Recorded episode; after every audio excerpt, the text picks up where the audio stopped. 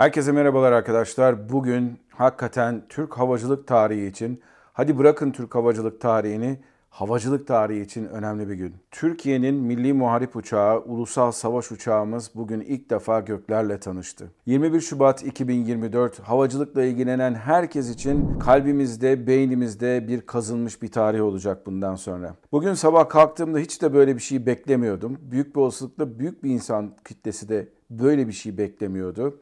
Daha önceden açıklanmış olan ilk uçuş tarihi ötelenmişti ki geçtiğimiz Aralık ayında olacaktı bu ve ondan sonra da herhangi bir ilk uçuş tarihi açıklanmamıştı.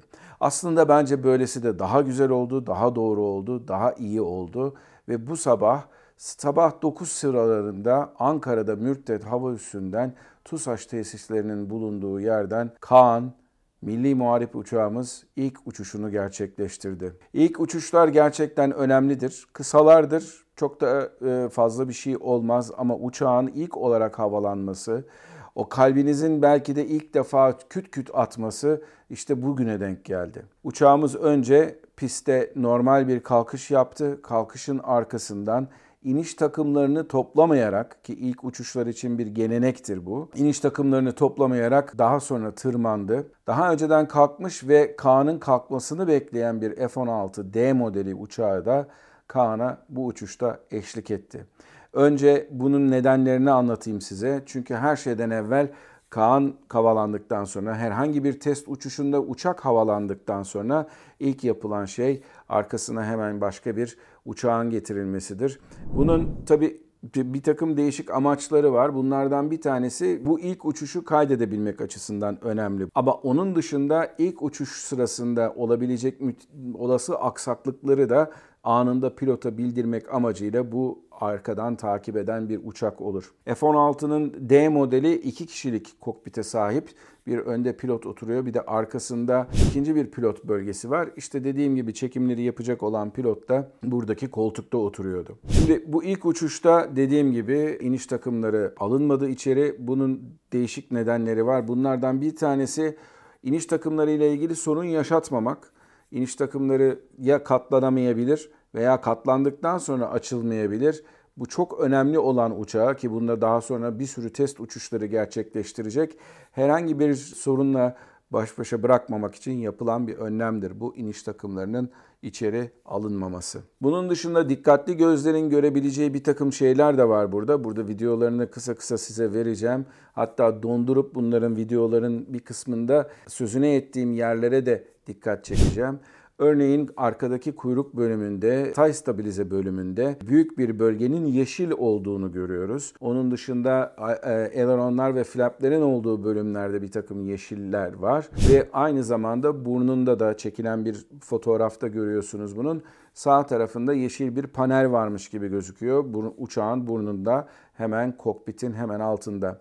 Bunlar çok da önemli değil. Bunlar prime olarak çıkan uçaklardır. Bunlar test uçuşlarında böyle uçabilirler. Metal aksamın üzerine geçilen bir cila anlamına gelebilecek primer verilen e, adı verilen bir boyamayla bu uçaklar bu şekilde uçabilirler. Bunların uçması son derece sakıncasız tabii bu şekilde uçması neden boyanmadı diye soracak olursanız bu bir gösteriş olayı değil, bir estetik olay değil. Önemli olan burada o parçanın orada oluyor olması ve işlevini yerine getiriyor olması. Eğer uçuş kontrol yüzeylerinin boyanmasını istiyorsanız bu durumda da tabii yapılması gereken çok ince kalibrasyon ayarları da var.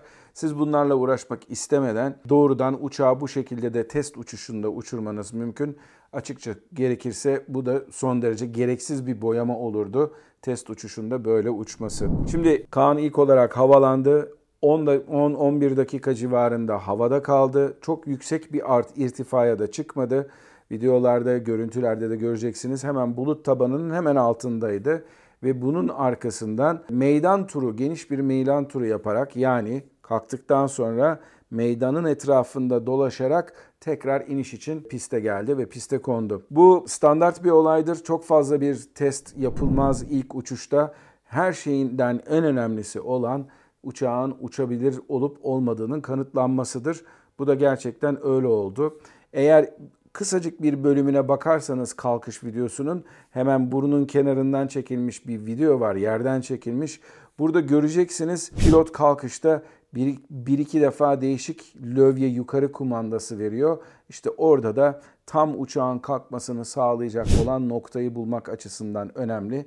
Çünkü bu uçak daha henüz ilk defa uçuyor ve aerodinamik olarak da bunun bir anlamda testi sayılabilir bu bir iki defa kolun çekilmesi olayı. Bu şekilde kalktı meydan turunu yaptı ve son derece güzel bir şekilde meydana da tekrardan geri döndü. Meydana geri döndükten sonra belki de hepimizin beklemediği bir şey oldu. Bir paraşüt açıldı uçağın arkasından. Bu uçağın frenlemesi için önemli bir olay. Bu uçaklarda, savaş uçaklarında, thrust reverser gibi yolcu uçaklarında kullanılan sistemler gerçekten hem gereksiz hem de yani eşyanın tabiatına aykırı şeyler olduğu için uçağın frenlemesini genellikle bu şekilde paraşütlerle yapılır ve aynı zamanda eğer bazı uçaklarda da varsa tekerlerde de frenleme sistemleri konulur ve bunlar da o şekilde yavaşlarlar. Ama böyle bir frenleme sistemi de çok büyük ağırlık yapacağı için genellikle böyle bir hız düşürücü paraşüt tercih edilir. Peki Kaan uçtu. Bundan sonra hava kuvvetlerine ne zaman girecek diye soracak olursanız Kaan'ın aslında önünde çok uzun bir test süreci var. Şimdi ilk olarak yapacağımız uçaklarda e, bizim F-16'larda kullandığımız GE motorları, genel elektrik motorlarını kullanacağız. Daha sonra Blok 2 tabir edilen uçaklarda ise bizim kendi kurduğumuz firmanın geliştireceği 5. nesil bir uçak motorunu kullanma planımız var. Şimdi Kaan'ın bir takım beğenenleri de var, beğenmeyenleri de var. Bazıları estetik yönlerden nedendir bilinmez beğenmiyorlar. Bazıları da işte seçim geliyor filan türünden yaklaşımlarla olaya yaklaşıyorlar. Ben bunlara gerçekten de doğru bulmuyorum. Yani bazı şeylerde insanları eleştirebilirsiniz ama Kaan AKP'lisinden MHP'lisine, işte CHP'lisinden İyi Partilisine kadar ve dünyada belki de hiçbir partiye üye olmayan, hiçbir partiye sempati duymayan insanlarla bir araya getirilmiş bir ürün ve sonuçta TUSAŞ'ın üretmiş olduğu bir ürün. Yani Türkiye'mizin üretmiş olduğu bir ürün. Bizim aslında yapmamız gereken bu başarıyı desteklemek, alkışlamak ve arkasından da bu projede çalışan insanlara mümkün olduğu kadar destek vermemiz gerekir. Ha, zaman zaman Temel Kotil saçma sapan açıklamalarda bulunuyor ve Kaan şöyle olacak, böyle olacak demiyor mu? Diyor. O olayın tamamıyla ayrı bir olayı ama ben bir Türk evladı olarak çocukluğumdan beri e, ülkemizin yaşamış olduğu kendi uçağını kendin yap motosunu da duymuş bir insan olarak gerçekten de gurur duydum bu uçakla. Varsın seçim olsun. Seçimde eğer bir uçak uçtu diye bir partiye oy verecekseniz, uçak uçmadı diye başka bir partiye oy vermeyecekseniz o zaman o sizin sorununuz demektir. Bu bizim gururumuz. Bu seçimi kim kazanırsa kazansın bu uçak daha sonra tekrardan uçmaya devam edecek, testlerine devam edecek ve gelişmelerine devam edecek. Bakın bugün F-35 gibi teknolojik olarak son derece üstün bir uçak bile sürekli olarak geliştiriliyor ve değiştiriliyor.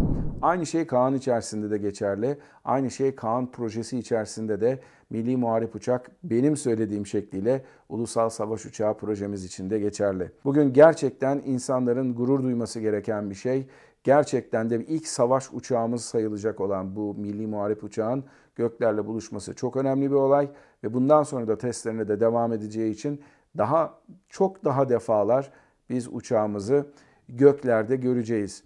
Bu konuda bazı aksaklıklar olmayacak mı? Her projede olduğu gibi aksaklıklar olacak. Allah korusun kaza kırımı olacak mı? Kim bilir olabilir. Bugün dünyanın en iyi savaş uçaklarının bile gelişimi sırasında kaza kırımlar olmuş durumda.